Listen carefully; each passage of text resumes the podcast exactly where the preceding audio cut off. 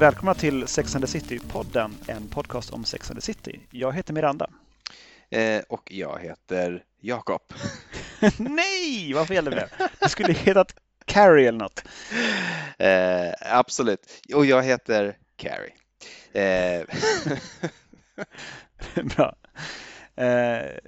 Eh, ja, det är lite annorlunda på annonsering, men det, det, det, det, är rimligt för den som har sett vad det är för länk man har klickat på. Eh, ämnet för dagen är Cosmopolitan.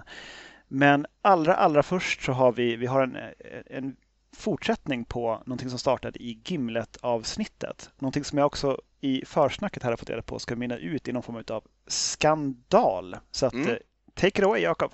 Jo, eh, ni som har lyssnat på Gimlet-avsnittet redan vet ju att jag har haft problem att hitta Roses Lime Cordial. Jag har varit på min lilla ICA-butik mitt emot på gatan och jag har också gått ner till stora Hemköp och ingenstans har Roses Lime Cordial funnits att köpa utan jag blivit hänvisad till Barking Lime Cordial. Eh, idag var jag vid ytterligare en ICA-butik som är en sån här fantastiskt bra ICA-butik som har allting. Eh, de har typ mer dryck där än vad liksom stora Systembolaget i PK-huset har. Eh, och såna här ostar som typ inte finns att få tag på på Hötorgshallen. Alltså, det är helt enkelt en, en otrolig ICA-butik och där tänkte jag, där måste de ju ha Roses Lime. Men jag gick till Cordial-hyllan och nej, ingen Roses Lime där heller och frågade en person i personalen som berättade, och det här är skandalen då, ICA har centralt eh, sagt upp eh, liksom, i någon sorts avtal med Roses Lime och kommer nu inte längre att tillhandahålla detta. Någonstans på någon ICA-butik. Men då, men Hemköp då? Ja, det, där vet jag inte om det bara är min Hemköp som eh, har liksom fuckat upp eller om, eh, eller om det gäller. Men är det, inte, är det inte en skandal att Sveriges största butik för matvaror liksom stänger ute ett sånt global brand? Det är ju som att typ från och med nu ska vi bara ha Cuba Cola. ja, det är jättekonstigt. Coca-Cola ska, ska vi inte, det, det, tar vi inte in. Vem vill ha det? Det har varit en liten efterfrågan på Coca-Cola. ja, det, det, det, är konstigt. Jag, tycker, jag säger så här, jag är emot det. Jag tycker att det är ett felaktigt beslut och vi borde tillsätta någon form av kommission som får reda upp det här. Mm. Uh, under tiden så är det egentligen en fundering också varför inte Rose Slime då som skapades som alla som lyssnar på avsnittet vet som ett försök att stävja alkoholkonsumtionen. Uh, varför finns inte den i alkoholfria hyllan på bolaget? Ofattbart bra idé. Eller fråga menar jag. Verkligen. Det kan, är det för att liksom, det ses som ett som ett blandvatten och därför så blandvatten gör det ju lättare att dricka alkohol och därför borde det inte finnas på Systembolaget för att man ska inte dricka alkohol. Men vi har, vi har alkohol. ja, men du ska inte dricka den, du ska bara ha den. Eh, ja, jag vet inte, men jag, jag, jag, är upprörd i alla fall. Jag, jag, jag är arg och lite ledsen jag är också lite upprörd och lite besviken och framförallt förvånad. Jag tycker att det är märkligt. Jag vet att ICA någon gång hade någon sorts beef med Gillette och liksom slutade ta in Gillettes rakhyvlar. Eh, det slutade dock med att eh, Gillette gav med sig i den här kampen mellan dem. Typ ICA ville väl sälja dem billigare än vad Gillette ville att de eh, liksom skulle få kosta. Men då vann ICA. Jag, jag hoppas att det här är någonting liknande och att det liksom bara är någon sorts fnurra på tråden men att ICA kommer att ta sitt förnuft till fånga eller Roses Lime eller vems fel det nu än är. Men så att man kan få tag på den där flaskan. Det är ju ändå eh, en historisk klassiker som ja, det tar mig tusen en skyldighet att ha den både hemma och i sin närbutik. Ja, men det tycker jag. Ja, bra, väl, väl rutet. Vill jag säga. Men tillbaka till, eh, till Cosmopolitan eh, och, och Sex and the City förstås. Mm. Va, va, va, du är ju Cocktailpoddens Sex and the City specialist får man ändå säga. Mm, det kan man väl säga. Eh, eller, eller åtminstone entusiast. Eh, jag har ju sett den här serien eh, i sin helhet både en och två gånger och eh, tycker ju att det alltjämt, alltså varje gång, nu, nu söker jag inte upp den längre, men varje gång jag liksom råkar slå på tvn och det är ett avsnitt så slås jag av att fan vad bra det är ändå. Vilka härliga karaktärer. Eh, den pryda Charlotte, den kloka Miranda, sexiga Samantha och den helt nollställda Carrie som alla kan identifiera sig med. det, är, det är verkligen, eh, det, det, det, är, det är verkligen otroligt vad de har fått till liksom ett skönt gäng där. Om, om det finns ett gäng som verkligen inte förtjänar att kallas för rövgäng så är det ju eh, tjejerna i Sex and the City. Men jag, jag vill börja med en annan spaning som egentligen inte har med den här serien att göra. Jag, jag, jag, kommer naturligtvis, eller vi kommer återkomma till den. Men har du tänkt på att Cosmopolitan kallas ju för Cosmo ofta, ganska kort, eller hur? Ja. Man kan Jo, säga, kan jag få en Cosmo? Det, det är vedertaget, ja. Det är väldigt få drinkar som har ett smeknamn. Man kan gå in beställa en Draja, ja eller hur? om Det GT. funkar, och en GT. Men vad mer? Och sen en Cosmo. Det är liksom de tre. Det får bli en, vi får hitta på några nya. Eh, Manhattan får bli en, en manne. Man, ja, men jag tror att det Och kommer du inte eh, få. en Old Fashion blir en Offe. En OF skulle man kanske Ja, OF kunna kan man komma säga. med faktiskt. Ja. Eh, men en, en manne kommer du inte få Manhattan. Då, kom, då kommer de att undra Någon, vad du ful, menar. någon ful grogg. Mm. Ja. Nej, det, det är väl, väl spanat tycker jag. Det, nej, det, det stämmer nog verkligen. Men en, en Cosmo är en Cosmo.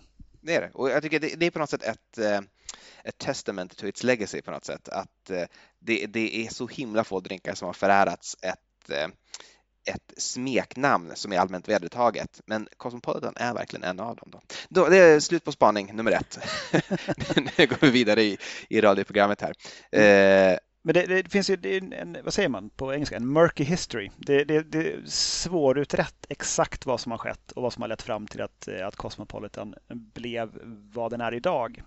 mm, Men det, det finns, om vi börjar vid, vid historiens begynnelse, eh, det vill säga 1930-talet, så fanns det en drink som hette Cosmopolitan Daisy eh, som dock inte riktigt är en Cosmopolitan annat än att den delar färgen och att den innehåller Cointreau.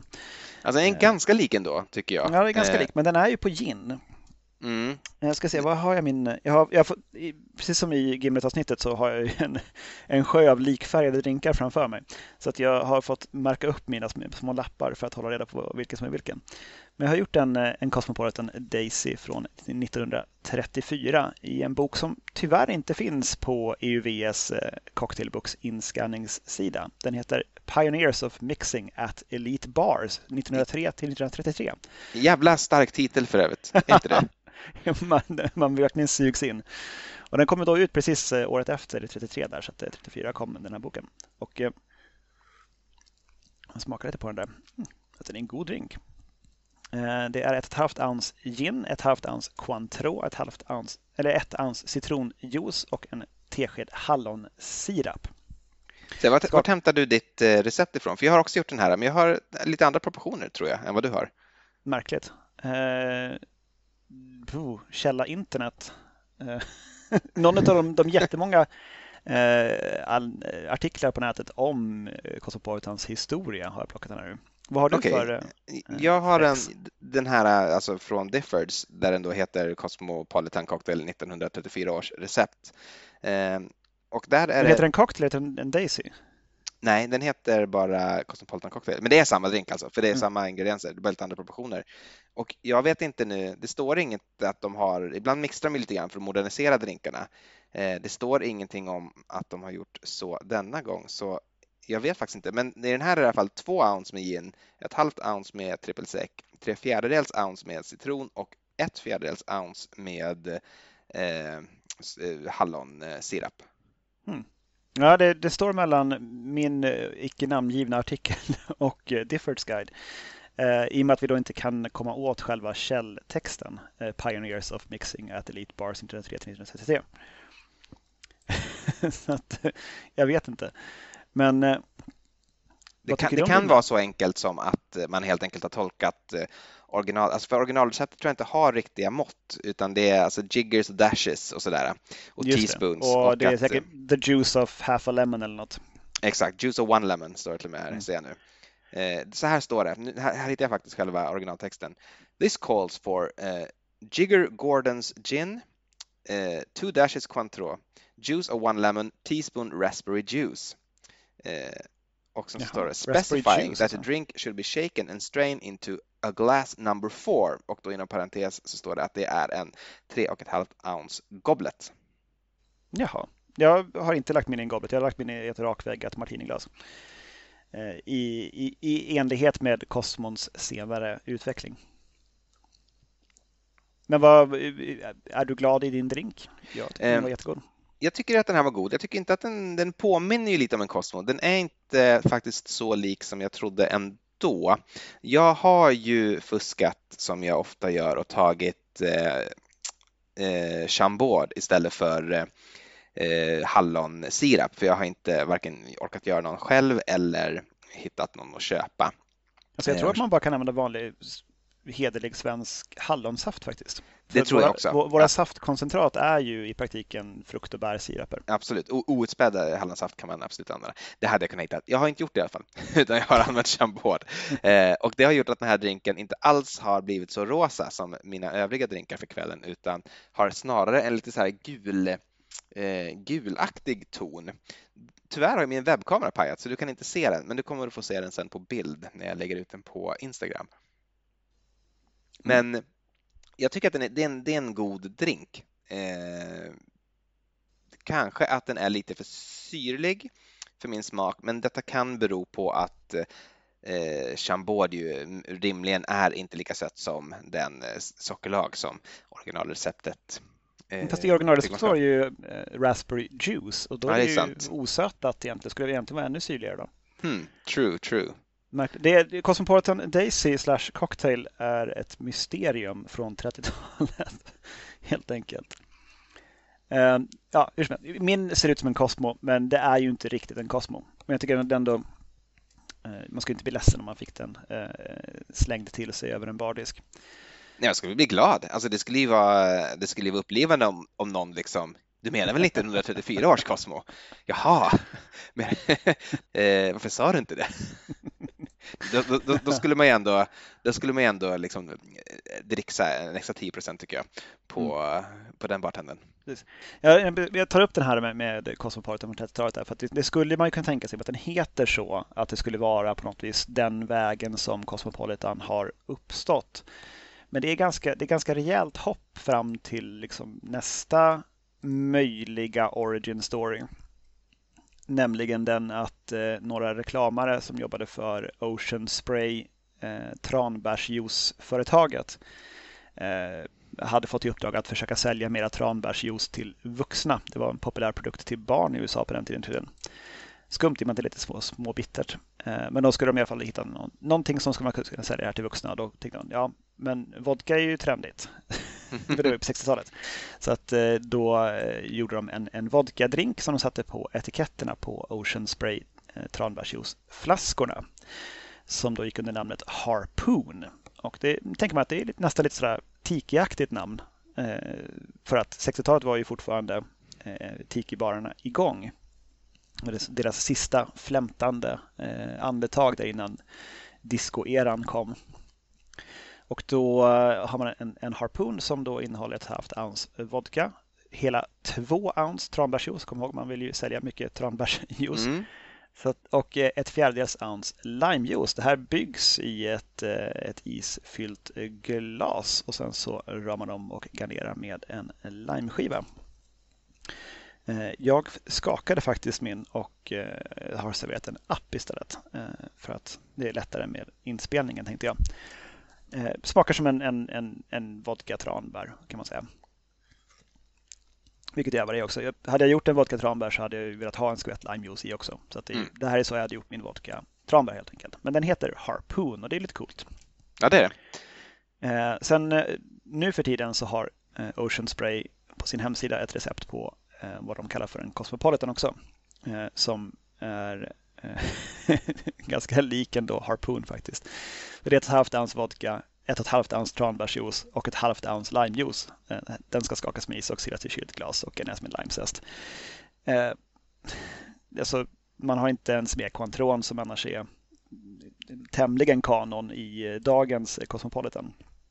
Och man, man vill bara kränga tranbärsjuice helt enkelt. Den har ju mer tranbärsjuice än några, några av de andra recepten. Eh, även om de har försiktigt dragit ner lite grann från Harpoon för att särskilja sig från den.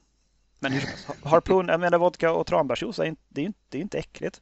Mm, absolut inte. Men det ger ju inte samma känsla som, som själva, själva Cosmon gör. Tycker jag inte.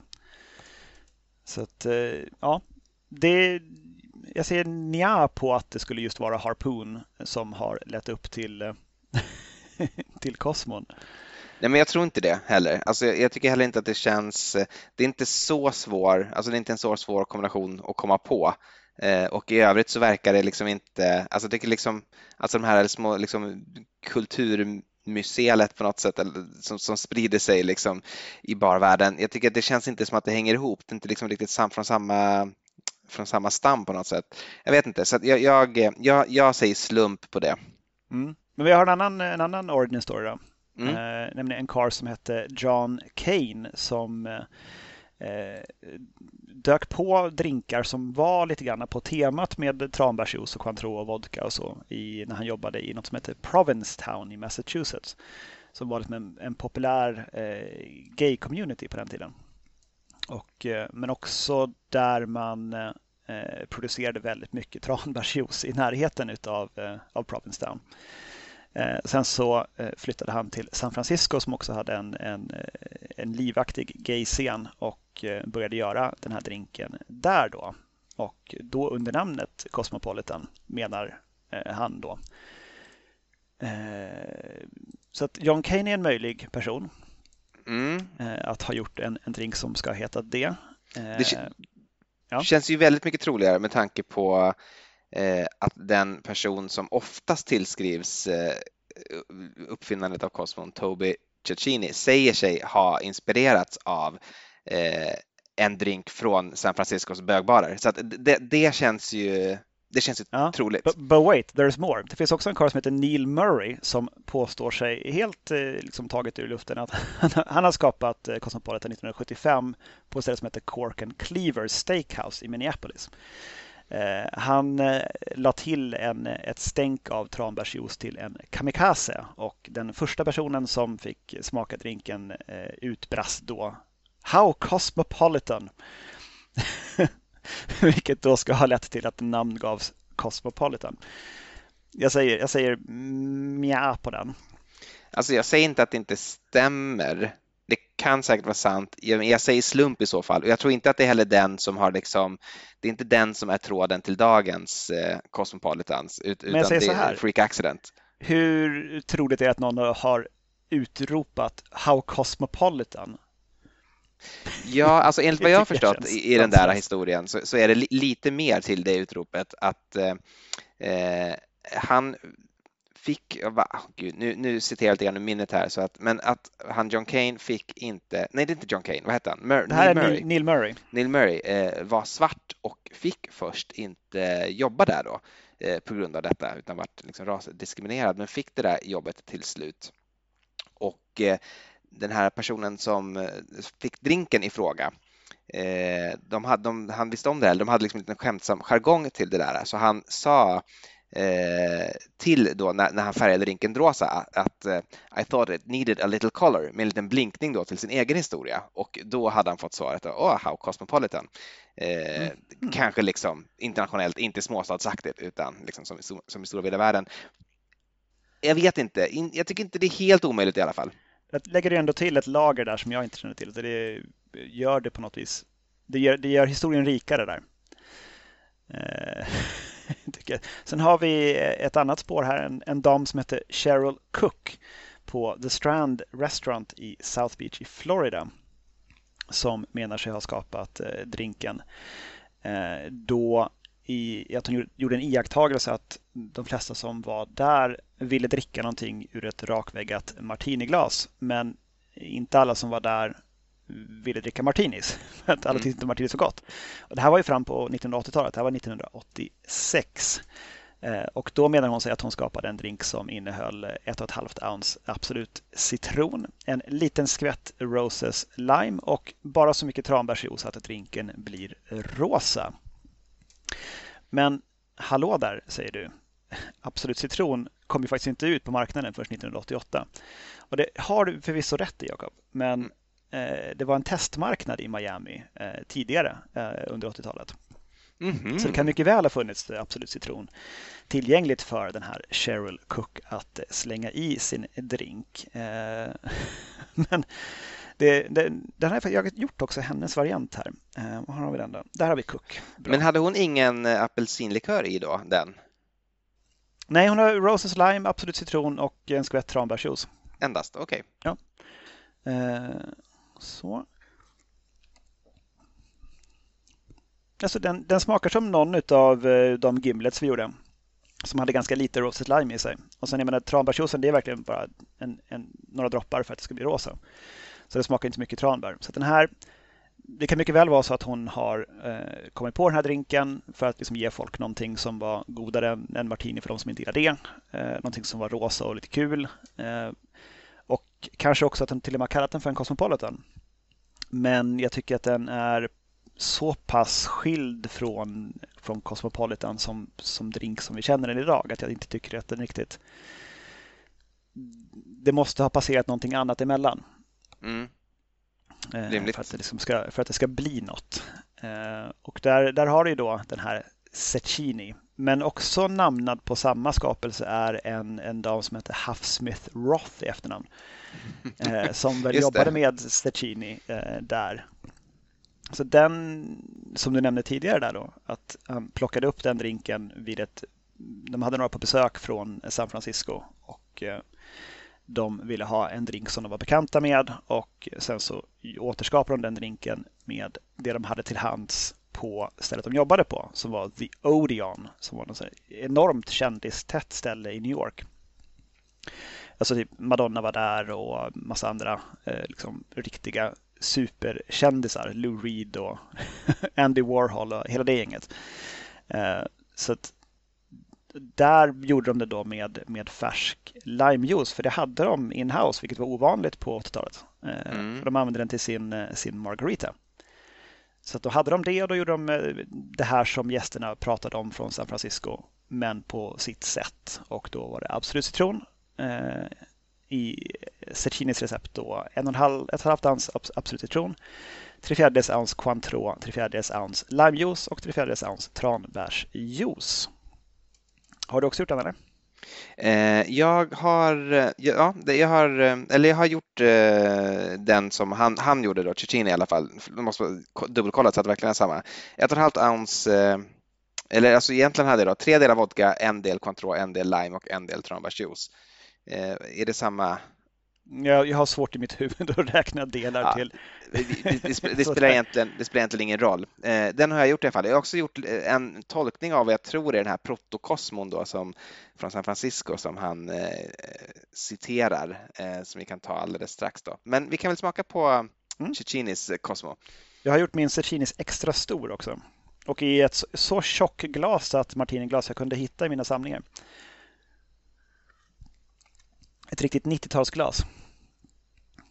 Ja, det får man säga. Ja, men det här är ju väldigt igenkännligt i alla fall. Det här är ju en Cosmo. Det är inte tu om det. Verkligen så. Den här är, jag ska säga välbalanserad och omedelbart omtyckningsbar. Tycker jag. Det är, det, det, man, man förstår att det här är någonting man kan dels dricka några stycken av under en kväll och någonting man borde vara glad att man har i glaset. Mm. Det är en riktig tanddödare tror jag dock. Den är tämligen syrlig. jo, men, jo, men det får väl ändå vara okej, okay, eller? Så, så, så, om man i likhet med mig har en tandläkare på hugget så kanske, det, kanske man ska undvika Ja, du har ju fått någon eh, slags eh, embargo lagt mot dig att du inte får typ äta citroner som du Nej, precis. Det här är en, en, en weird sak om dig, men du äter ju citroner, har ätit citroner genom åren som om det vore mandariner. Mm, just det, men det måste jag sluta med då. Eh, mitt försvar säga att jag har saltat citronen också då, så att det inte liksom bara är citron utan det är citron med salt som jag har tuggat i mig. Med god aptit, men de dagarna är förbi. Eh, men jag, jag, kan unna mig en sour då och då, men jag tror inte jag kan liksom dricka tre sådana här utan att, eh, utan att jag kommer att få skäll. Mm, nej, eller hur ska, hur ska hen veta det? det? Det ser de, tro mig. Du ser ut som att du har druckit Cosmos. Vi har pratat om det här. Förlåt, det var, det var reruns på, av Sex and the City. Jag kunde inte låta bli. Precis så. Apropå, apropå det, där har vi en liten ingång. Ska vi prata lite om Sex and the City så att vi inte glömmer det? Ja, men det tror jag inte vi kommer att kunna glömma heller. Um, det är ju, alltså den här drinken, de här drinkarna vi pratar om nu precis, de var ju på eh, slutet av 80-talet och den här The Odeon där de blev så populära Eh, de hade en enorm framgång i New York med den här drinken och bartenders vart så enormt trötta på den för de fick liksom skaka hundratals av den här enda drinken varje kväll över hela New York och det varit massa små avarter och alla hade sina egna recept och sådär. Så eh, drinken hade ju, haft, hade ju som exploderat och sen ganska snabbt på några år fallit undan igen för att folk var så trötta på den. Alltså den, var, mm. den var överspelad i New York. Eh, tills då eh, sent 90-tal, jag tror 98 kom väl första säsongen av Sex and the City.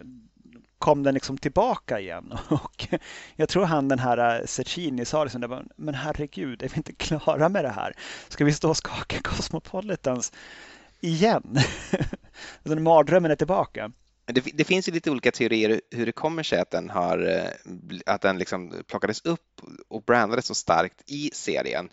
Eh, och eh, jag har ju en egen också. Jag kanske ska säga den först, för om jag säger den sist så kommer den redan vara vederlagd. Så det, jag, jag, börjar med den medan det fortfarande liksom finns någon sorts trovärdighet att den, kunde, att den skulle kunna vara sann.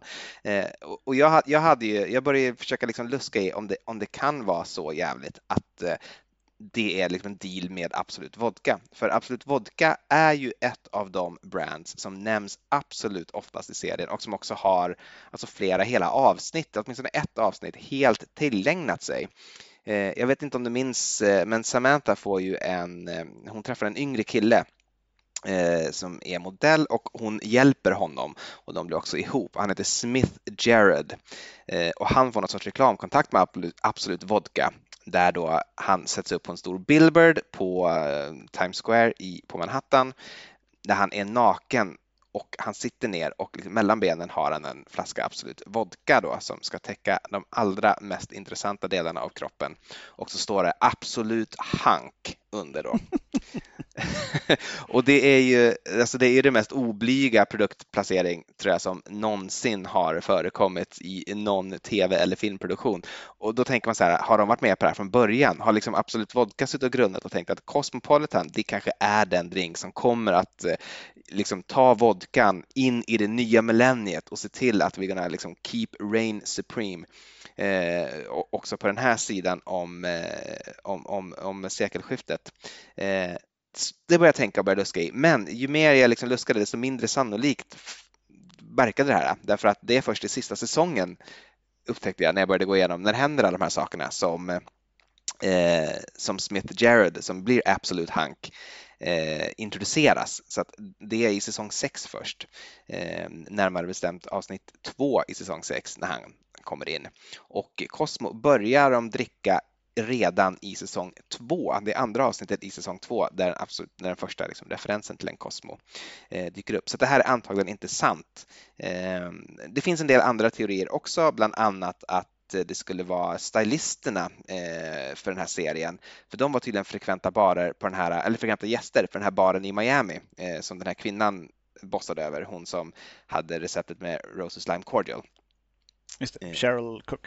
Just det, exakt. Eh, så hon har sagt att hon ser det som självklart att de har plockat upp den hos henne och sådär. Men det som verkar vara allra, allra mest sannolikt, det är faktiskt att det är helt enkelt Candence Bushwell, hon som har skrivit den här liksom, krönikorna från början och som serien, vars krönikor då serien bygger på, eh, som har velat ha med Cosmo. Därför att som hon beskriver det så är det att hon älskade Cosmos och hon drack Cosmopolitans hela tiden. Hon var med i den här Cosmopolitan-crazen och eh, ville som en hyllning till sig själv att det också skulle finnas med i tv-serien. Eh, och det låter ju troligt, gör inte det ändå? Någon, någon, någon upphovsman älskar Kosmos liksom. Ja, verkligen. Men eh, det har uppdagats en, en, en hemsk hemlighet också eh, från inspelningarna av Sex and the City just gällande Cosmopolitans. Och i, egentligen förstår man ju när man hör det att det, det, är självklart att det är så. Alltså verkligen så jäkla självklart. Men alltså på något vis förtar det ändå lite grann av känslan av serien. Just det att det, det, var ju inte Kosmos de drack under inspelningarna förstås. Utan det var bara helt vanligt kranvatten med eh, några droppar rött färgämne, matfärgämne i. Det var kosmosarna som var på bild under alla inspelningar. Mm. Och är de inte också lite för röda? Jag tycker att liksom en Cosmo är ju mera rosa generellt. Men det blir ju så om det tar rött, rött färgämne och ja. bara lite för mycket av det så så blir det så. Men det, visst, det är klart att man inte ska supa liksom när man ska spela in. Men det är, ändå, det, det, är lite grann som att man fick reda på att han som spelade JR i Dallas var nykterist. Liksom. Det, det, det, blir konstigt. liksom, det, ja. det, det, blir en, en, det skaver lite grann.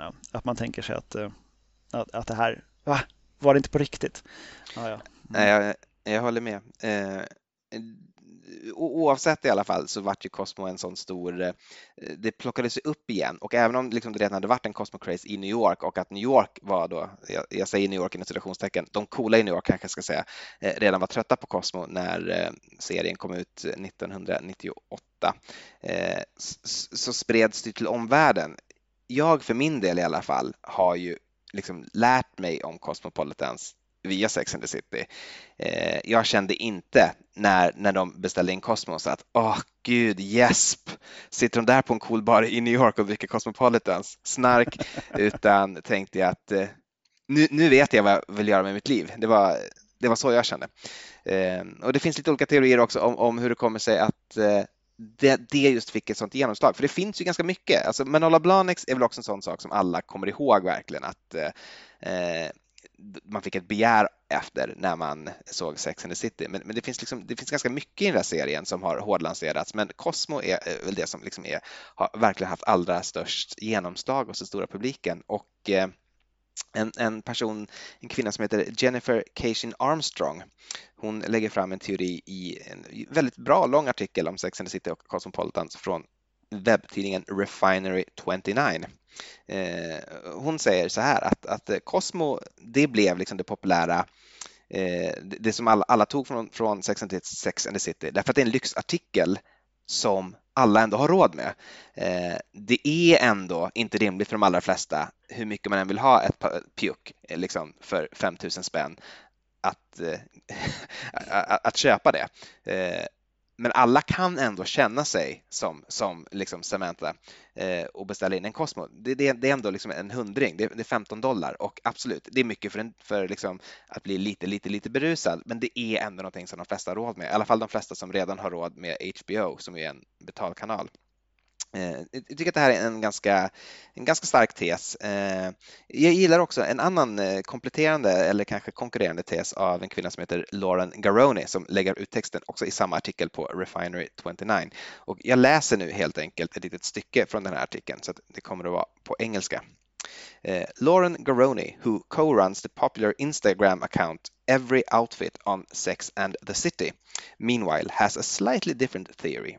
She tells Refinery 29, For a show that was about sexuality and power, I think the Cosmopolitan was the female stand in for a martini. The martini is so synonymous with James Bond and the alpha male persona that by having the, fe- the girls favor Cosmo, it felt like establishing these women as alphas in their world. Also, it showed that girls like to drink, which I appreciated. Och eh, jag tycker att det, det, är ganska bra också att det är liksom det, det är det, det, är liksom James Bond fast för tjejer. Att det, här, det här är en Martini, liksom. det är en Cosmo.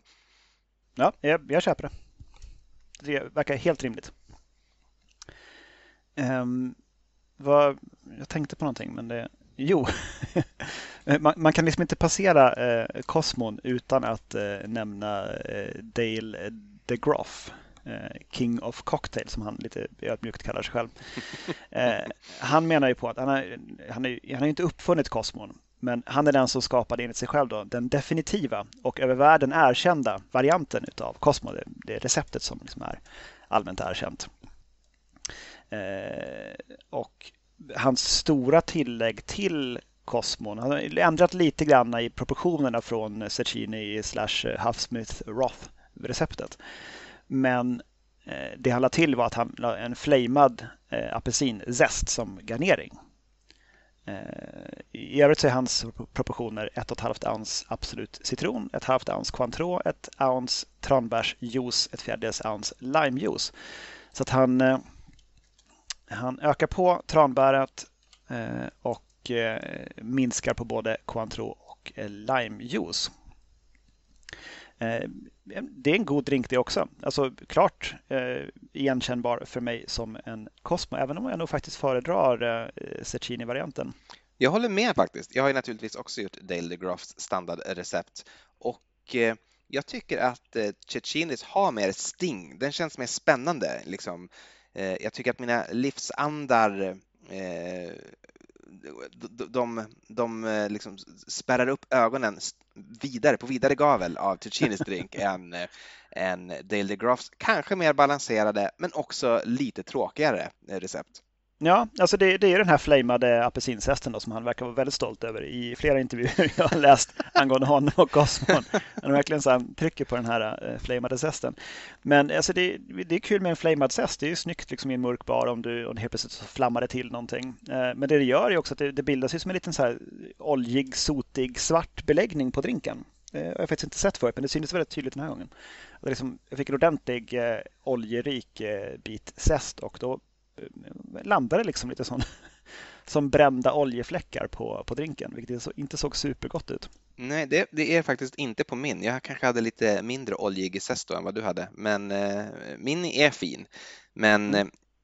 Jag vet heller inte hur mycket det tillför att den är flamberad om jag ska vara ärlig, förutom att det, det, ser lite coolt ut när man gör den. Det är nog bara det, att det är showmanship. Alltså jag tänker på den tidigare i podden nämnda Flame of Love Martini, mm. där man ska typ flamea typ zesten från liksom två apelsiner ner i glaset. Okej, okay, där, börjar vi prata om att det faktiskt, där kommer det att märkas att den är flamad för att det jösses vad du får stå och flamea. Mm.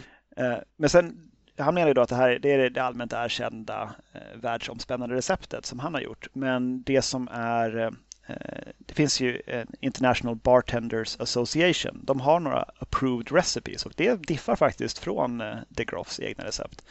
Så det, är, det som är världsomspännande IBA-godkänt standardrecept på Cosmopolitan är eh, 40 ml vodka citron, 15 ml Cointreau, 15 ml limejuice, 30 ml tranbärsjuice. Och eh, det ska då garneras med citronzest enligt det receptet. Och där är det ju då, skillnaden är helt enkelt att det är eh, lite mindre Cointreau i det IBA-godkända standardreceptet. Så att jag vet inte. Eh, De Groff verkar ju ha höga uppfattningar om sig själv och sin eh, betydelse. Eh, vilket säkert i många fall stämmer. Men just i det här fallet så jag vet inte. Dels så tycker jag att Cecchini-receptet är bättre och Eh, det här IBA-godkända, eh, ja, det är väl ungefär lika bra som hans i alla fall. Eh, apropå Ticini, jag sa ju att jag hade gjort hans proto-Cosmo där också. Det, ja, det. det kanske ligger bra att vi tar den. Det är för övrigt min sista för, för kvällen, men så att vi inte glöm, glömmer bort den. Och eh, då är det ju så här att hon Higgsmith, vad hette hon? Eh, Melissa Higgsmith Roth, var det så? Nej, Hig, Nej Huff, Huff, Huffsmith Roth. Huffsmith Roth. Eh, ja det verkar vara så att det recept som hon kom med hade både alltså vodka, lime, eh, tranbärsjuice och Cointreau. Men det, det har kommit fram senare, liksom, i, i senare forskning. Men det som Cecchini själv uppger var liksom den drink från San Francisco som inspirerade honom, den ska bara ha innehållit eh, vodka, lime cordial och grenadin. Och han uppger inte några proportioner, men han säger att den vart rosa. Eh, och eh, då har jag tänkt att det kan inte vara jättemycket lime cordial och det kan heller inte vara jättemycket grenadin. För jättemycket grenadin, då blir den röd, jättemycket lime cordial så blir den grön. Så att det måste vara mycket vodka, lite lime och lite grenadin. Köper du mitt resonemang? Absolut. Eh, så då har jag två ounce vodka, eh, ett tredjedels ounce med lime cordial, Barking lime cordial, damn you Ica. tack, tack Ica. och ett eh, fjärdedels ounce med grenadin och den är lite rödare än din standard Cosmos men ändå, ja men den ser lite grann ut som, som Cosmos gjorde i Sex and the City. Den är liksom lite djupare rosa och Cecchini själv sa att han gillade drinken för att den var rosa, men den var hideous liksom, smakmässigt. Och, eh, eh så tillvida jag inte har eh, eh, gjort den radikalt annorlunda så ger jag honom rätt, för det här är en, det är en riktig skitdrink. jo, men det tyckte jag ju också att, att eh, den här som ändå är snarlik den från Miami, Just det. Cooks, så den, den är, det är inte, inte, inte en skitdrink så, men det är ju inte en Cosmo. Liksom. Det, den, den sjunger inte på det sättet. Nej, men den här, smaka, den här liksom saknar ju allt sting. För att eh, åtminstone Barkings Lime Cordial har ju inte liksom fräschören av en riktig, eh, alltså av, av limejuice. Den har andra kvaliteter eh, som, som säkert gör den överlägsen i vissa sammanhang, till exempel en gimlet. Men den saknar liksom det sting som den här drinken kräver. Eh, och sen så är det nog, alltså jag vacklar hela tiden om, om, om jag ska liksom gilla grenadin, om jag ska lägga grenadin ironiskt eller om jag ska hata grenadin. Och eh, just nu börjar nästan liksom falla mot att jag är inte så förtjust i grenadin ändå. Vad är det för produkt? det är ju liksom, det är inte så gott. Nej, nej det, det, det, är ju vad det är på något vis. Det är en, en, en söt sirap som är röd. Mm. Eh, det är, väl, det är väl vad det är. Eh, ja, det som kommer upp eh, måste också eh, dala ner och eh, Cosmopolitan föll ju i alla fall i, i de stora städerna liksom ur, ur medvetandet och liksom bort ur, ur de coola barerna. Med, med besked, ska man säga, in på 00-talet och på väg mot, mot 10-talet. Liksom den här återkomsten av The Craft Cocktail när allting ska liksom vara gjort från grunden och alldeles i början där när det skulle vara väldigt mycket hängslen, eh, rejäla mustascher, eh, tatueringar överallt och, och liksom ganska, eh, vad säger man, allvarligt tänk kring cocktails. Då passade ju verkligen Cosmopolitan inte in. Alltså vodka var ju liksom bannlyst och det är ju tack och lov inte längre, men det var ju verkligen så mm. fram till ja, men bara några år sedan så var det ju många av de så kallade seriösa barerna som inte ens hade vodka. Ja, precis. Och jag menar, det, då, Cosmo tillsammans med alla, alla teenies från 90-talet, alltså Lemon Pie Teenie och allt vad de kan heta, de blev ju på något vis tabudrinkar. Det var ingenting man beställde, det var ingenting som serverades, som inte fanns på menyerna. Eh, och eh, det var, det var helt enkelt väldigt, väldigt okult eh, där i början. Och så att eh, det gick så långt att, eh, att det blev på något vis ett ironiskt skämt bland, bland vissa. Så, eh, det finns en story om en 2014, det är ändå ganska, ganska nutid faktiskt, så var det en, en brand ambassador för eh, Cointreau i USA som hette Kyle Ford. Och så var han på, på lunch med en grupp coola bartenders, eh, alla, alla dudes som var från olika delar i USA. Och sen så skulle de käka lunch och då beställde han in en Cosmo eh, på skoj. Och det, att det var på skoj det var just för att drinken var rosa, den var tänkt för kvinnor och det var, det var töntigt. Men det slutade med att hela gänget till slut beställde Cosmos och bara, fan det här var ju gott ju, det här kan vi ju dricka mer av. Och då bildade de, säger de då, en, en pakt. De skulle ta med sig mm-hmm. idén om en pånyttfödd Cosmo till sina hemorter. Och då eh, eh bildade de en Facebookgrupp som på allvar eh, hette och egentligen också heter The Intergalactic Federation of, håll i nu, Cosbronauts. Åh nej. Eh, jag gillar ju ett bra ordskämt, men, men, ett, men ett hemskt ordskämt eh, kan ju verkligen vara smärtsamt. Ja, och det, men det är också det att man skulle göra det lite dudigt liksom, att mm. dricka Cosmos igen och då skulle man kalla det för Cosbros. Man kan inte beställa en Cosmo, det är töntigt, så man får se, man går fram i baren och jag skulle vilja ha en Cosbro. Eh, men i alla fall, den gruppen finns kvar. Den verkar ha somnat in redan något år efter att den bildades. Det är ganska ont om, om inlägg efter 2015. Ehm, men den, den är listad som ett rymdteknikföretag på Facebook, eh, vilket väl också är lite kul. Ja, det, det däremot uppskattar jag. nu, nu gillar jag dem igen. Ja, um, men i alla fall, så det, men det, Cos Bros då, det syftade inte bara på att eh, de här var liksom eh, killar allihopa eh, och därmed bros, men också för att de då kallade alla riffs de ville komma på på Cosmopolitans för Cosbros. Alltså en mm. brorsa till Cosmopolitan. Just det. Och då har jag en drink som faktiskt är från Cointreaus amerikanska hemsida som heter just Cosbro.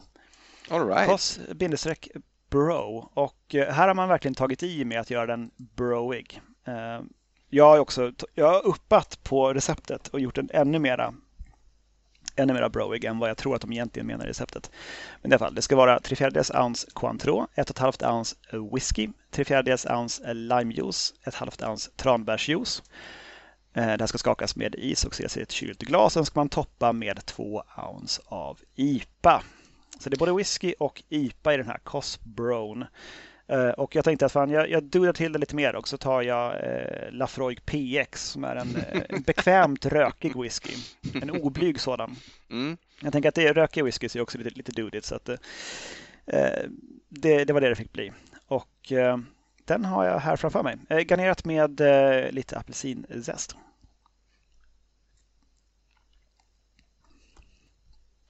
Alltså det är inte äckligt.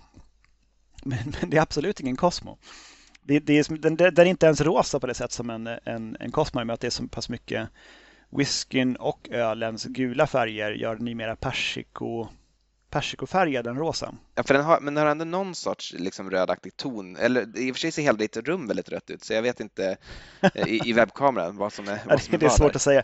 Men om, när jag jämför den med de, de andra så är den, eh, den är mera orange persikofärgad än vad den är eh, Cosmopolitan eh, rosa. Men i alla fall, det, det ligger någon slags ironi där i att eh, Cosmon blev så hatad på av eh, Craft Cocktail-gänget där i början i och med att Cosmon på sätt och vis var med och, och skapade det som sen blev cocktailrevolutionen i och med att man, man gjorde Cosmos eh, ända från 80-talet med färska juicer. Just det. Vilket man inte gjorde annars. Man hade ju Sour Mix i det mesta andra. Men just Cosmos så gjorde man eh, faktiskt på riktigt. Och den liksom likt, eh, likt alla andra revolutioner så äter den upp sina egna barn på något vis. Och då, då blev Cosmon kanske det, eh, det tydligaste offret på hängslenas och mustaschernas altare. det är väl oundvikligt, eh, men vi får hoppas att historien ändå kommer att ge den här drinken rätt. Då. För det är mm. en bra drink. Det vill jag också eh, att, att det ska vara tydligt innan vi trycker på stopp att eh, den är Cocktailpodden approved. Alltså, man, man, kan beställa en Cosmo och man behöver inte skämta eller, eller liksom broa till det utan en Cosmo är, det är, en, det är en fin drink. Det är det är ju liksom i klass med, jag vet inte om jag ska säga i klass med en Margarita, men det är ändå nästan i klass med en Margarita. Absolut, alltså det, det är gott. Det, det är en vodka sour med tranbärsjuice och Cointreau. Varför ska du vara ledsen för det?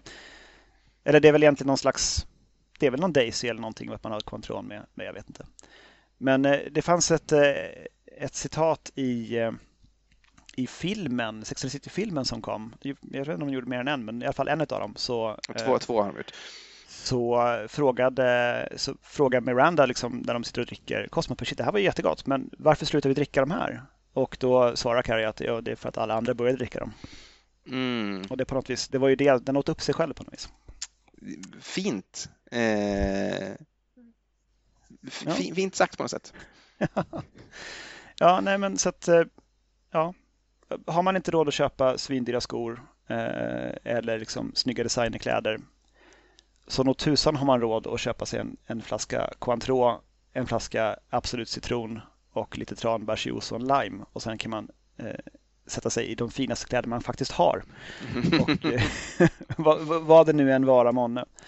Och, eh, och känna sig som att man, eh, man är på en cool bar i New York bara för ett ögonblick. Tack för det Daniel och tack för att ni har lyssnat. I vanlig ordning skål och eh, godnatt. Skål och godnatt.